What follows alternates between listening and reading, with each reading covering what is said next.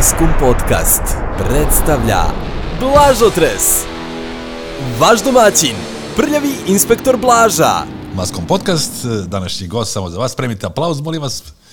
Branimir Bane Lokner, o, legendarni rock novinar, publicista, izdavač i šta sve ne.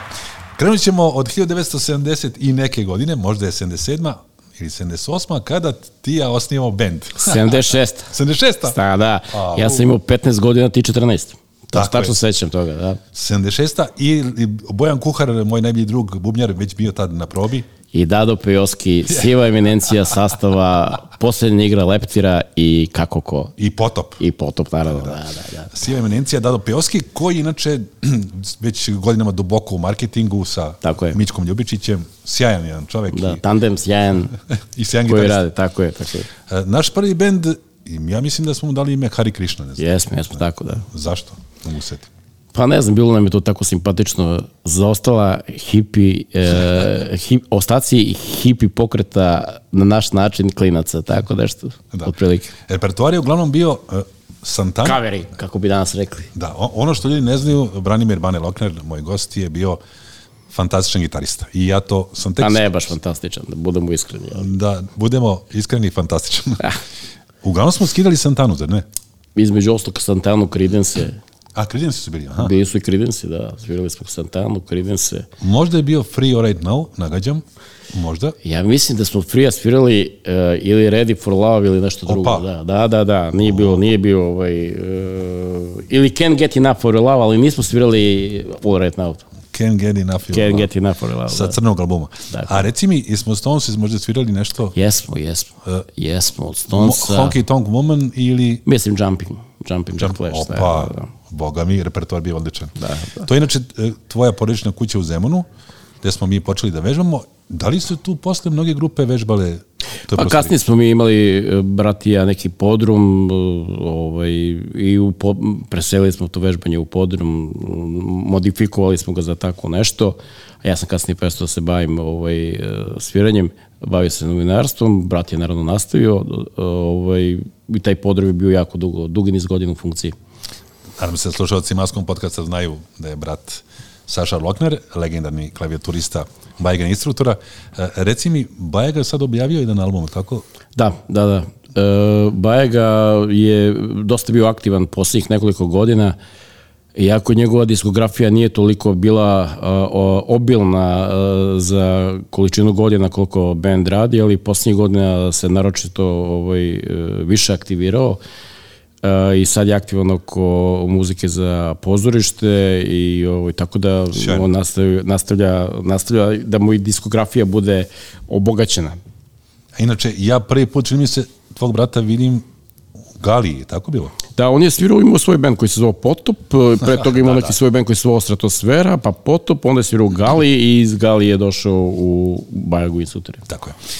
Da li, ja meni se čini da sam već tad ušao prvi put u, u, u tvoj deo kuće gde su bile ploče. Tad si ih možda ima jedno 10.000 jedva. Nisam imao Manje, toliko, manje. ne, ne, Možda- ne, možda jedno možda ne, ne, do 2000 sam imao tada te tih godina, mnogo manje, da. Ali to je bio ovaj, iz ono vreme jako veliki broj. Ovaj, a sad je to otišlo, otišlo je. Sve jasno. Da. E, ja sam isto kolekcionar, verovatno znaš, ali izgledam u odnosu na, tebe kao nedonošče. Imam 3000 diskova i oko 2000 ploča. E, ne mogu da prestanem da ovlačim kući. E, pričao sam sa ženom, ona, ona me podržava, što je dobro. To smo pričali o tome da žene treba da podržavaju. Ja mislim da nikad ne, neću stati, a ti? Pa ne, to, to, to dok smo živi nema, nema tu stajanja. To je, samo može da se proširuje ovaj, strast. Jel znaš recimo šta si posljednje dva, tri komada koje si uneo u kolekciju? Pa e, vidi, ja kao novinar, kritičar e, dobijam na mesečnom nivou i od stranih izdavačkih kuća i od naših, a e, jednu količinu naslova od promo agencija. Tako da ja imam negde red veličine između pet i- 50 i 100 diskova ja dobijam mesečno. A, u, A recimo da, da tako da imam nekoliko promo agencija koji mi konstantno šalju 3, 5, 6, 7 diskova ovaj, kojima ja pišem. Ovde ovi naši ovaj, kad god se objave, mada ja i bendovima ovaj, uvijek i istaknem, ako nije samo download, obavezno za disk, jedan primjerak mora da bude tu u kolekciji i tako, a i, znaš, pošto sam i kolekcionar, onda to je nezaustavljiv proces. Buvljaci su stalna opcija. A, gledanje šta treba da se nabavi, šta fali, šta nedostaje. Uvijek nešto fali i ovaj, tako da to je večna, večna, večna igračka. I ovaj, moram da priznam sad i tebi i Urošu, našem kolegi koji je ovde sa nama, ja redovno idem na buvljake i nabavljam tu, nađem često neke vredne stvari koje nemam u kolekciji I uopšte ne mogu sjetim kom je to otkrio, vjerojatno neko sa berze ispred CKC još 90. godina. Često se nađe neko ovaj, tamnoputi momci iz Brazila, romske nacionalnosti, verovatno to nađu negde ispred nekog podruma ili obiju podrum i oni to ono iznesu na prodaju i ja sam naletao na takve primjerke fantastične za 50 do 100 dinara. Ne, ima tu više opcija. E, to je jedna od opcija, drugo, neki ljudi se rešavaju, treća od opcija je naši momci iz Brazila romske nacionalnosti koji rade u inostranstvu, onda vrlo pomno prate kada se na, u, u zapadnom svetu mnoge porodice lišavaju svoje kolekcije kada ovaj, odlaze napuštaju stanove, uzimaju nove stanove, onda se rešavaju starih stvari. Onda na zapadu postoje s tim silnim zemljama uh, dani kada se ljudi e, oslobađaju od tih starih Aha. stvari i onda da, da, oni to sve da. skupe da, da. i često i donesu i, i tu najčešće mogu da se nađu jako dobre stvari. U ostalom, mislim da danas u svetu na prvom mestu e, za prodaju nosača zvuka je internet, ali internet, Aha. sajtovi za internet, to je znači eBay, Discogs, Amazon i Nisam još neki manji. Aha. Na drugom mestu su buvljaci. A tek onda radnje? Ne, ne, ne, radnje su na poslednjem mestu. Na trećem mestu su bendovi kada idu na svirke i svi ostali koji na svirkama nose nosače zvuka da prodaju i tek na četvrtom mestu su ostaci radnji koji ipak odgovaraju jednoj psihologiji prošlog vremena. Aha. Znači, internet je potpuno pobedio? Ne, potpuno, to je ono 100 prema 0. Inače, kod nas e, Kupindo je svakako aktivan, moram priznati da preko žene ima Kupindo uzimam često i do sad sam imao izvredna iskustva. Šta još ovde se, na koji način se nabavlja? Pa ima kupujem, prodajem Kupindo, uh, uh, Slovenci imaju Bolha.com, uh, Hrvati imaju, sad ne mogu da se cetim tačno, jedno je zanimljivo ime, isto sajt, jedan da se, da se to prodaje. Mislim da i Bosna i Hercegovina isto ima, ali Limundo Kupindo je najveći na ovim prostorima ovaj, i zaista ima vrlo impozantan izbor svega. Ovde je interesantno kod nas da dugi niz godina nije se pojavila neka nova generacija koja će kupovati e, nosače zvuka, a specijalno ploče.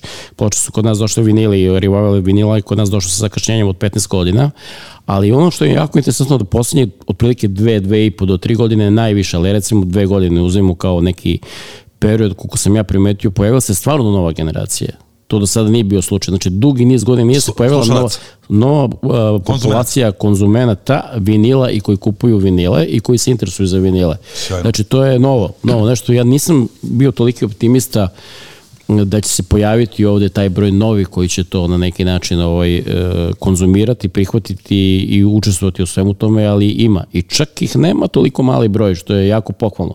E sada ova nova generacija vinila ima, po meni, to je jedna anti kako bi rekao, o, anti varijanta populacije vinila, vinila kao nosača zvuka koji ima jako skupu cenu, dobrim delom i zbog razloga je samo štampanje vinila dosta skupo Ali uh, ta cena nije realna, tako obično.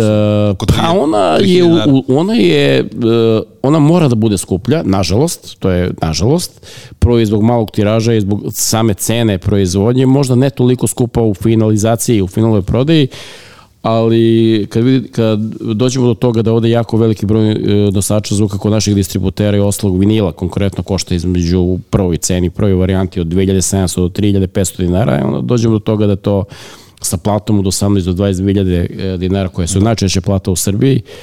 Je ovaj zvuči strašno, da, da zvuči, zvuči strašno. I meni to anti meni to antipropaganda antipropaganda muzike i ja nisam ovaj uh, nisam suporter kako bi rekli suporter nove generacije vinila baš zbog cene su, jesam oko svega ostalog, treba da postoji u svakom smislu i kao nosač zvuka i kao podsjetnik, kao revival, kao nešto novo promocija, sve ostalo da, ali cena ne. Da li se sećaš uh, u Jugoslaviji kad je postao Jugotom, PGP, Suzi i ostali izdavači, koliko je bila prosječna cena recimo stranog izdanja?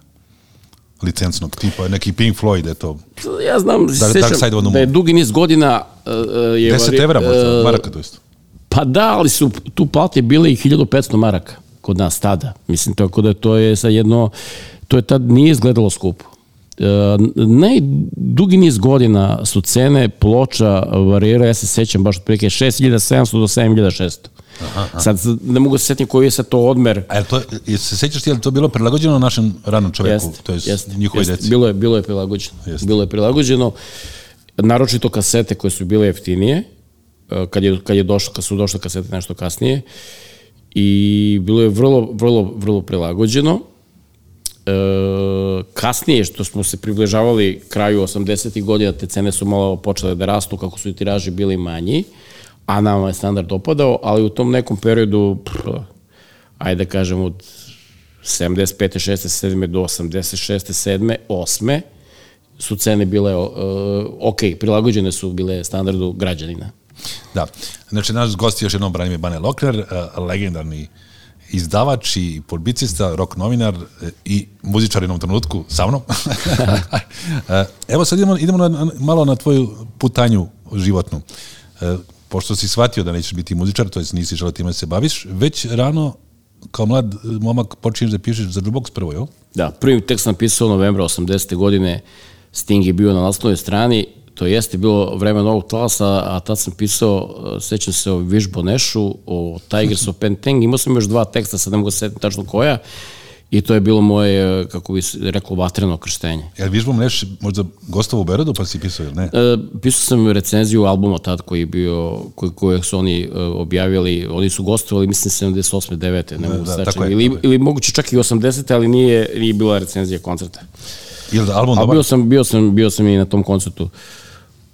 Ne, ne, ne mogu sad da se setim kakav mi je tačno bio taj tekst, ali mislim da je bio uh, više afirmativan nego ne. A prvi tekst o domaćem izvođaču, to je u grupi?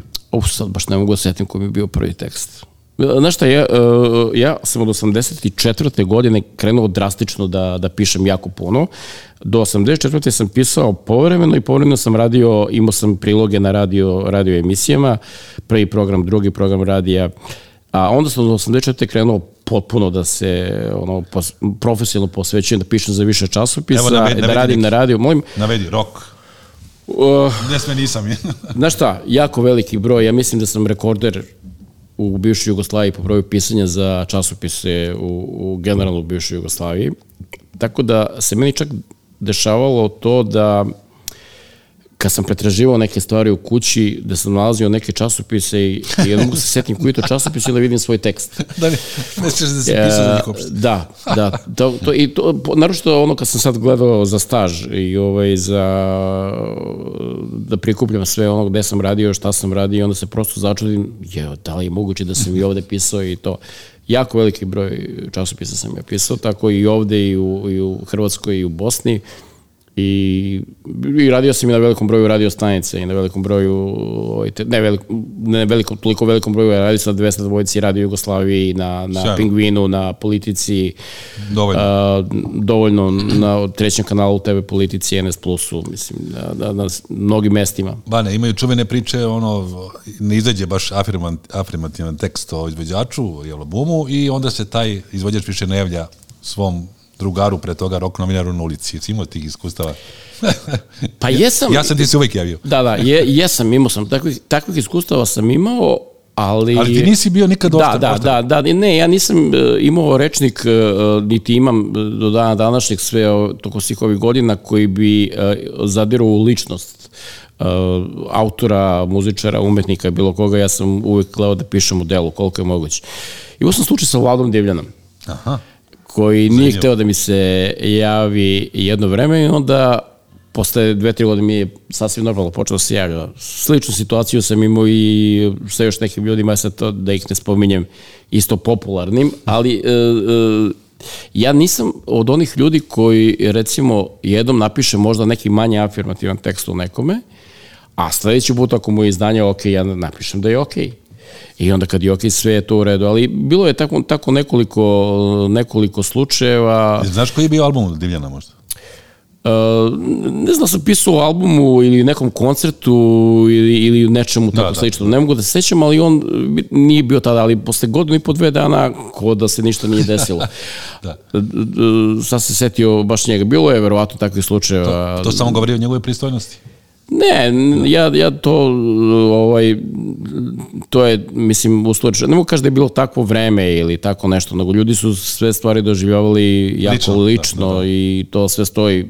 Ja se često isto preispitujem oko tih stvari, jer e, meni nikad nije cilj da neku osobu uvredim i da gledam uvek da pišemo delo. Međutim, različiti ljudi na različite načine shvataju. Ovaj, recimo, dotakli smo se e, osobu koju ja jako volim da kritikujem, to je Van Gogh. Jer po meni e, to je band koji ne zaslužuje popularnost koju ima.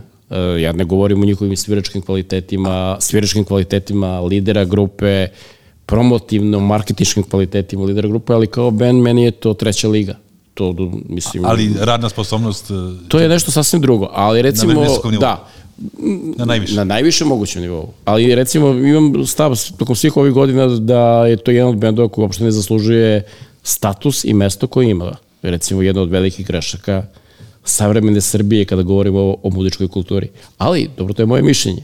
To ne moram da sam upravo, mnogi će me demantovati, mnogi imaju drugačije mišljenje, mnogi ovi, ali recimo sad kad se dotako, dotako, dotako ovih tih imena, njega, se, njega često volim argumentovano da, da, da istaknem kao osobu koja, koja ovaj, sa čim, nači, sa čim da autorskim radom se ne slažem. Ne, ne slažem, nego ne mislim da je, da je, ko, ko, ko, da je okej. Okay, da. Ko?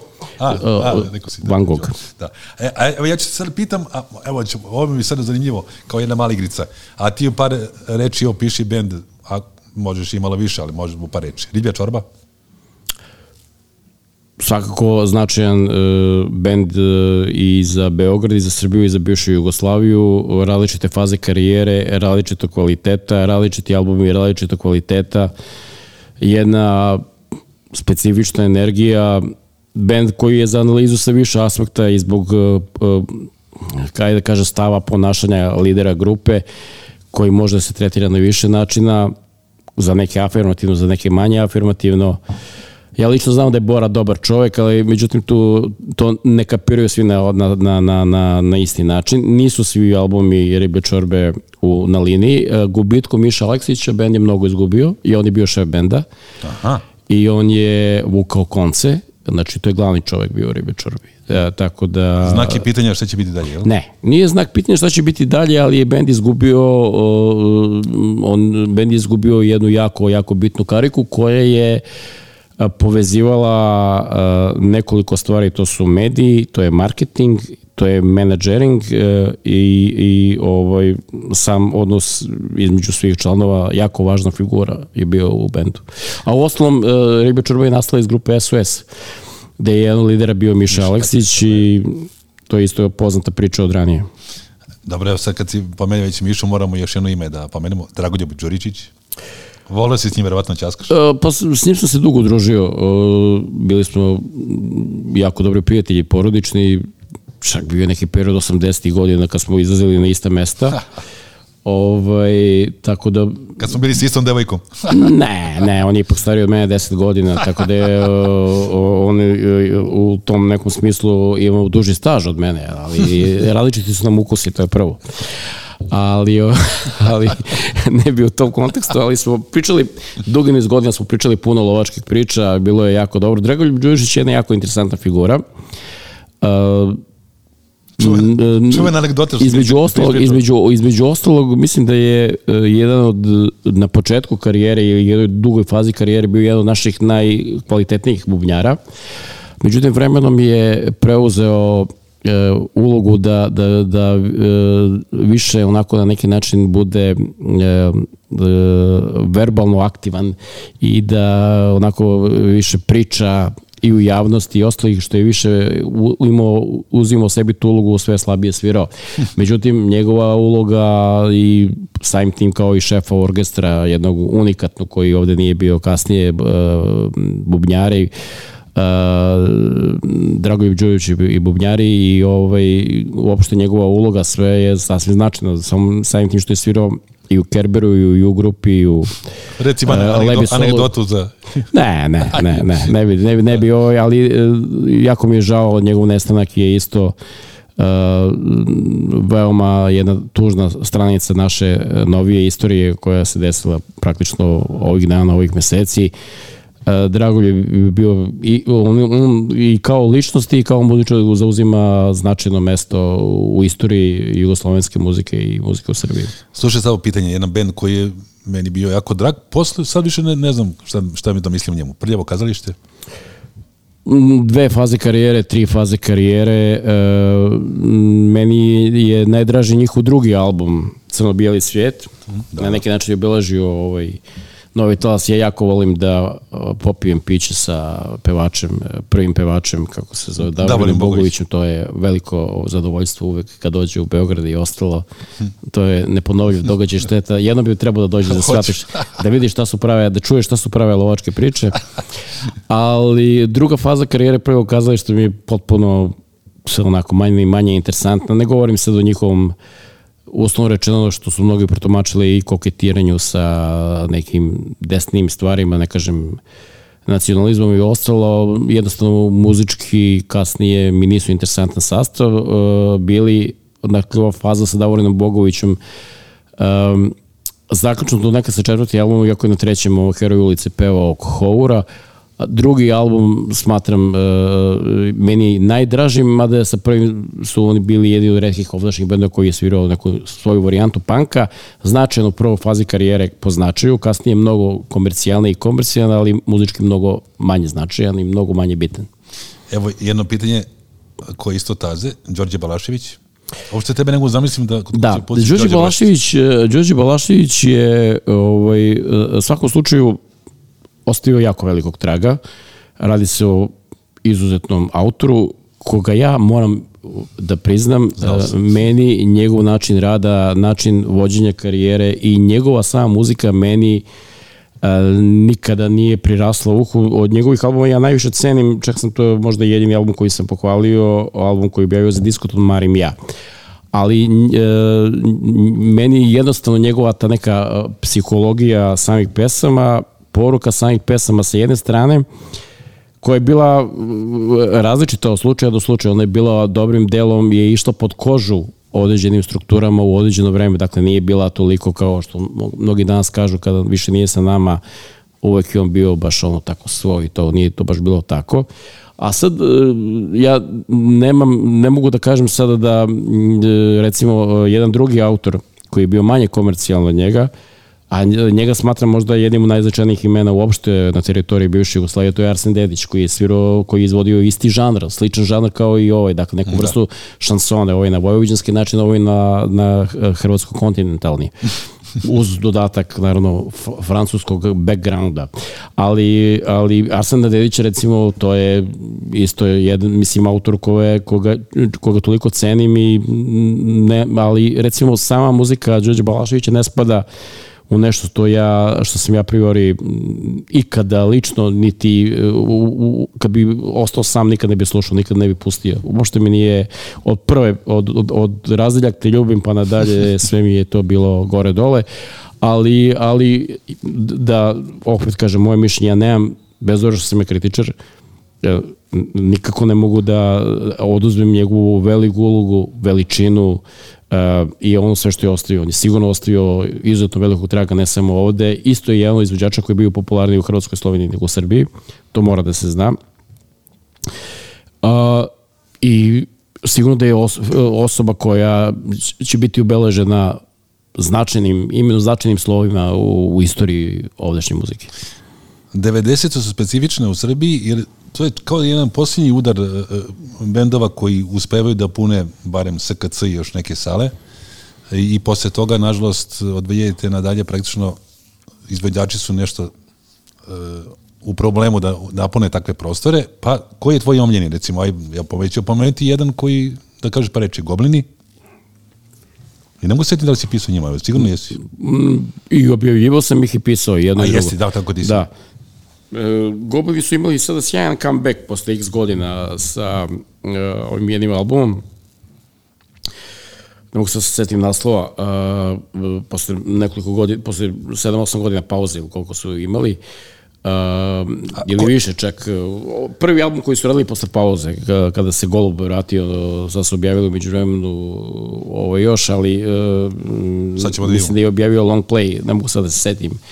Ovaj, A tog koji je tvoj albuma. omiljeni bend iz 90-ih? Sunshine, Iceburn i da nema kraja. Kanda Kođa, ne znam. Pa, Ima bar ime koji da, si da, volao. prva faza Bjesova. A, da, da, da. Prva faza Bjesova, Bjesova sam ja i objavio. Jesi, sećam se. Da, uh, braća Left, naravno, koje sam takođe ja objavio, ali, ne, ali sada će ispasti da to je zato što sam ih ja objavio. Nije tako, braća Left sam voleo jako jer su oni bili nešto što, što, što je bilo pravo, to je bilo to, to je bio pravi rock and roll. Ja moram nešto ti kažem. Da. Basista Da, da, da. već naravno. 20 godina sa mnom svira. Ljubinko Todorović, Apsolutno, apsolutno. Braća Left su, pa ja nisam bio toliki e, fan, e, niti, ajde da kažem, nisam toliko volao Oktobar 864, ali Braća Left su bili, to je Zbog bilo Željka to. Mitrovića. Ne, ne, ne, ne, ne, pa uopšte, ne, mislim, muzički nisam toliko koliko recimo su neki, neki, neki drugi. Da li je Ali- Rekontra od Goblina ili, Rekontra, da. ili Rekontra, Greško? Rekontra, rekontra, da. Dobro. Rekontra nisam mogu odmah se setim. Ali ovaj, braći Let su imali tu jednu dimenziju pravog rock'n'rolla, onako, to je to, krv i znoj. I ovaj, Bijasovi su obradili Aikido, čini mi se. Aikido, da. Da, da, da. Yes. Bjesovi i braća Left, bilo je još mnogo bendova tokom 90-ih koji su u, u određenim fazama nešto radili. Sigurno prvi album Eve Brown je, ovaj, e, e, kako bi rekli, e, masterpiece. E, sad ono, e, dosta je bendova bilo koji su koji su ovaj dobro radili, dobro razmišljali Iceburn svakako. Mislim sve svi albumi Iceburna su interesantni. Coyote je išao uvek u napred na neki način e, i veliki respekt za ono što je radi. Pa si u to vreme e, razvoja hardkora kod nas i značajna uloga Deda Ideas Definite Choice, mislim, uopšte nije sporno. Band koji ja nisam specijalno ljubio u ono vreme, kako bi rekli, e, e, to je, bili su deca loših muzičara. Mada ja ni, ni, ni američku decu loših muzičara nisam specijalno volao. se direktore? red, direktora sam poštovao, to je bilo to. Mislim, to je bilo to. Tako je trebalo biti jedan, jedan urbani bes e, na beogradski način e, sa, sa jednom socijalnom jakom dimenzijom. Znaš, naravno, i to je bilo to. Znači, ne direktno u glavu. sa svim dobrim i lošim stranama. Jedna digresija, ali sve je to o, domaći rock and roll. E, tvoj brat Saša Rockner je objavio jedan meni jako drag album Naos sa da, Sa Lazom Listovskim, da. E, oni su to uspeli da izgoreju koliko su mogli, zar ne? Da, Izdavač je bio... Komuna. A Komuna je bio izdavač? Da, Komuna je izdavač za diska za kasetu PGP. A, pa sjajno. Da. I, to, I mislim da su imali, su imali još jedno izdanje posle. Ne, ne, ne, njih Naos. moj, moj brat ima jedan, još jedan solo album sam, a, a zajedno su radili samo Naos, da. Da. Sad kad, kad pogledaš uh, izvođače kao što su Lazar Istovski, tvoj omiljeni basista, klavijaturista, bi mogo neka napraviš neki super band domaći. Sad kažeš, rečimo, za bas gitarista nek bude Ljubinko Tomanović koji svira sa mnom, a bio je braći Left. a recimo gitarista, koga voliš od domaćih gitarista? Ti si ipak zemunska škola roka, ti bi trebao da voliš nekog zemunca. Zar ne? Pa, znaš što, nikad nisam baš razmišljao sad o tome O, o, ko, izvini, koji, o, ne, Zafa, Zafa iz... Da, da, da, za. Pa znaš što, ja, ja jako volim zbog lovačkih priča Zlatka Manojlovića, on je moj zemunac, ja sam živio u. Nemačkoj, sam imao veliku karijeru kao Zed Mitchell u, u bluzu, ali se ogledao sa svim i svačim, sa razno raznim stilovima, on je isto jako zahvalan sagovornik. S njim bi mogli da radimo intervjue 20 sati, nikada ne bi bilo dosadno, čuli bi mnoge zanimljive i nove priče. A, uvek isto oko lovačkih priča, tu je Krle iz generacije 5. Dakle, Imao sam- je- imao sam da, priliku. Da, da, dakle, nema tu, ovo, ja mislim i odličan gitarista. Sad, gitaristi Boček svakako, Aha, bravo. to je gitarista ubica Bata Kostić. Bravo. Nema tu... Ja, ovaj nema solo tu- album Bate Kostića nisam čuo za Jugoton. On je, Korektno? ne, uopšte to nije, ne da je korektno, on je e, za ono što, za tu vrstu muzike, neki 70s rock, e, na današnji način taj album je jako dobar. Uopšte nema tu nešto sumnje, Tu- je jedini sad problem e, vreme u kojem je on nastao i sami akteri koji možda, koji sam ja znao, s obzirom ko je sve u bendu i sve, da verovatno neće uspeti da se prilagode a, zakonitostima i standardima novog vremena, e, jer su naučili na jednu sasvim drugu priču, a ja sam imao neki preliminarni razgovor, pa znam kako Bata Kostić sam razmišlja, iako ovaj, o tom albumu mislim sve najbolje. I u muzičaju mislim sve najbolje, ali mislim da ovo vreme jednostavno njima ne pogoduje ovaj način rada, ovaj način, pogotovo način rada preko interneta im je vrlo verovatno neprihvatljiv i samim tim m, cela ta priča ote, otežava protok i dalje prohodnost tog albuma. Znači, još jednom za slušalce Maskom podcasta. Internet je postao glavno mesto O, Da, potpuno. 100%. 98%. u muzičkoj industriji u muzičkoj ključno industriji, mesto. Ključno, da, da. Mislim, televizija ima potpuno nebitnu ulogu i radio. I novine, naravno. Da, mislim, novi, pazi, u svetu postoje još uvek fanzini. Novine postoje samo u Engleskoj. Znači, Engleska je iz nekog razloga do sada bila, vidjet ćemo kada prođe treći svetski rat, da li će tako biti i dalje, ali do sada je bila zemlja gde postoje 30 časopisa i u svim drugim zemljama njihova varijanta Metal Hammera i još po neki eventualno časopis koji se ugasi posle ne- vremena jer ne funkcioniše. I tako ide u krug, ali u Englezi imaju milion časopisa, e, ovaj, e, nisam siguran da- da oni funkcionišu po tržišnom principu, ako ćemo iskreno. Zato, zato ovaj, postavljam neko sumnju, ali mislim da, da zbog brzine tempa života kojim živimo, časopisi, radio i novine ne mogu da se trekaju sa internetom. Jer neko uspeo u poslednjih godina domaćih izvođača da se nametne. Mislim, ja znam da si jednom pomenuo grupu Ničim izazvan koji je praktično preko interneta Da, upravo da. stekla popularnost ono što ti pričaš. Tako je, tako je. Oni su dobar primjer. Da, odličan primjer. Odličan primjer jer je čak ovaj njihova popularnost preko interneta došla do o, ostalih medija, ovih e, koji su post, mainstream medija, kako Koji su onda preuzeli, da. mainstream medijima, kako danas govorimo, i e, koji su preuzeli videvši da su oni imaju toliko popularnost. Jedan, jedan od bendova e, je koji je iskoristio uh, takvu vrstu popularnosti, ali mislim da, da će toga biti u velikoj meri konstantno, jer televizija, zaista, televizija i radio novine ne mogu da se trkaju sadašnjim vremenom. A psihologija ljudi koji rade i onih drugih službenika koji rade na tim medijima nije takva da oni mogu da, iako svi paralelno imaju i svoje internet stranice, ali nije takva da mogu da adekvatno podrže rad na, na samom tom mediju, televiziji, radio, novinama i da podrže putem interneta. Oni koji rade profesionalno na internetu, mnogo to bolje rade od njih. I zato mislim da je to, kod nas je pitanje radio, televizije i novina pitanje političko-socijalne priče i zapravo ovde bi tržište ne funkcioniše, nije na to bi trebalo sve ugasiti. Veliko novine svakako, ovaj, to, Vreme da, vreme je odavno, ali zbog nekog razloga i zbog pranja para, kao što se ovde uvek radi, to se još uvek održava isto veliki broj radio stanica. E, jednostavno, e, ja apsolutno podržavam da sve treba da postoji. Ako postoji i na tržišnom principu, na nekakvom principu treba postoji i sve utiče. Ni, ne daj Bože da, da, da moje reči zvuče tako da ja nekog i nečiji rad omalovažavam. Ne. Ti ljudi koji rade i koji vole to što rade i koji to rade dobro, svaka je njima čast. Pogotovo danas je to teže raditi u otežanim uslovima, ali smatram da u promotivnom smislu za bilo koje aktere, bilo koje kulturne ili subkulturne priče, televizija, radio i novine sprem interneta 0 prema 100. Sjajno. U to ime živjeli. Čekaj. Živi. Naš gost je Branimir Bane Lokner. E, Ovo je prva epizoda, imat ćemo još e, par minuta, pa ćemo onda preći u drugu epizodu. Bane, nisi mi na- napravio domaći bend, koji ti je omiljeni pevač? Evo sad, ja teško mogu da zamislim tebe da, da, da jedan glas domaći voliš. Koji Ne, ne, ne, ne, ne, nisam uopšte uh, toliko... Ja volim gl- glas Dragije Jelića, recimo. Da, da, da. Pazi, dragi mi je i komšija, tako Eto, da ovaj, onda, uh, na U grupu gledam sa, sa nekom vrstom specijalnih emocija. Mislim da prvi album U grupe je nešto zaista što je bilo jako, jako dobro i u ono vreme, u, u ostalom znamo za veliki značaj U grupe. Ja imam mm, prema određenim izvođačima emocije, da i eliminišem ovaj a, moj, da kažem, ukus, ne ne ukus, moj kritičarski stav. Znači postoje emocije, postoje to ti ono, znaš, postoji ljubav, postoji... Ju grupa je jedna tih. Da, n- e, Ju grupa zauzima spec, specifično mesto, ali nije, mislim, ne mogu da kažem da je moj najomiljeniji bend ovde. Ja imam jednu emociju specijalno prema indeksima. O, vrlo zanimljivo.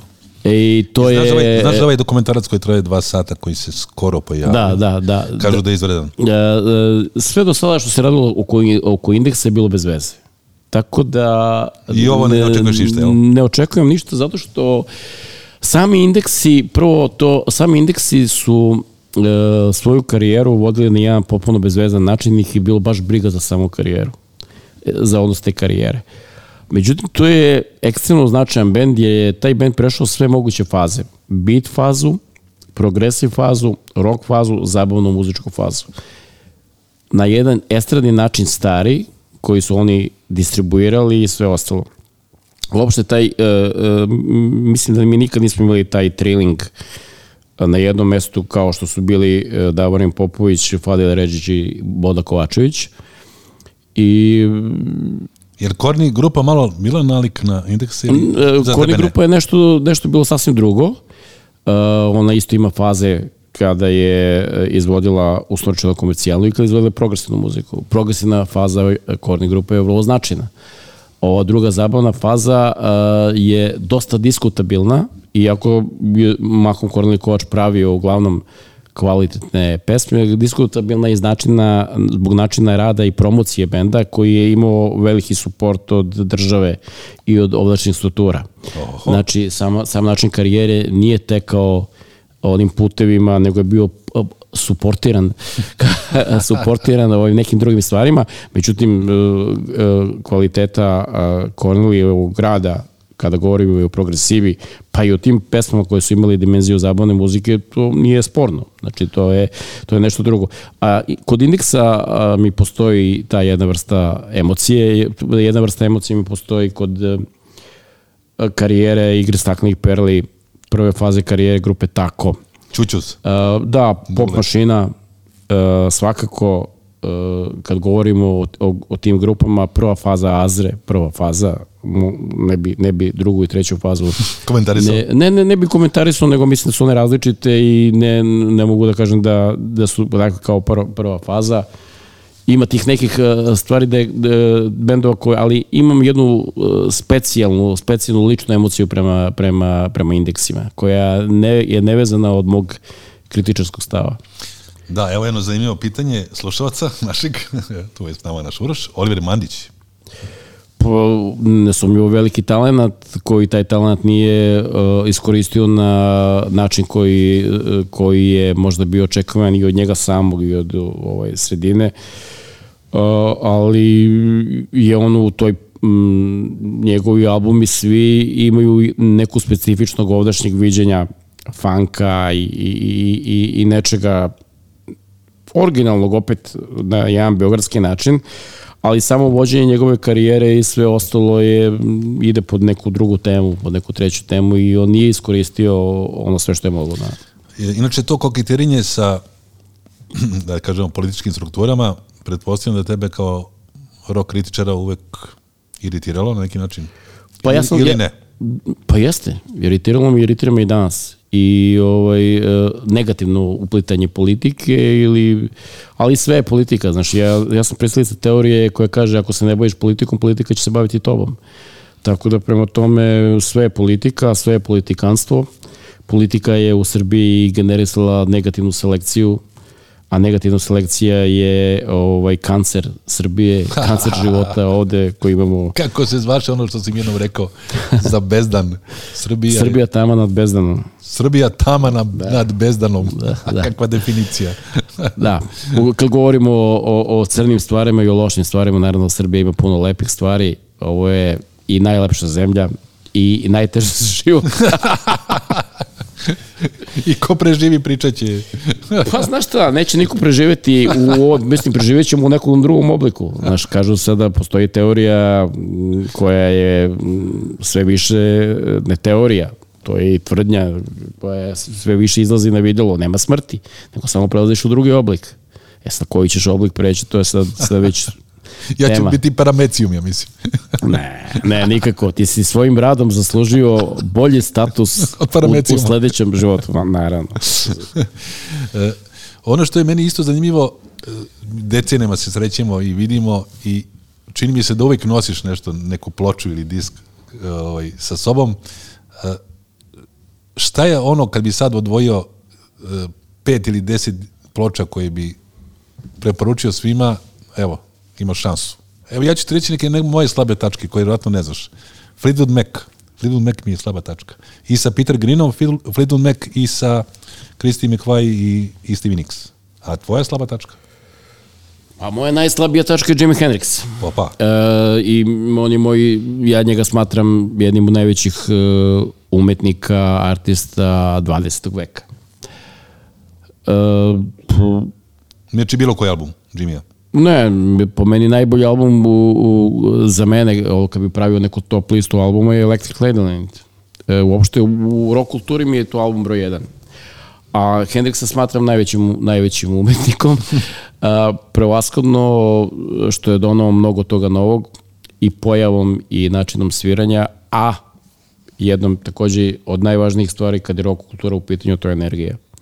Nova energija, drugo se... Postoji jedna teorija koja, koja kaže da mm, najveći mogući šok u istoriji popularne kulture nije bilo kad se pojavili pankeri sa čiroki frizurama i sa onim što su radili, nego pojava Jimi Hendrix Experience 3 je da se pojavili u engleskoj dubini.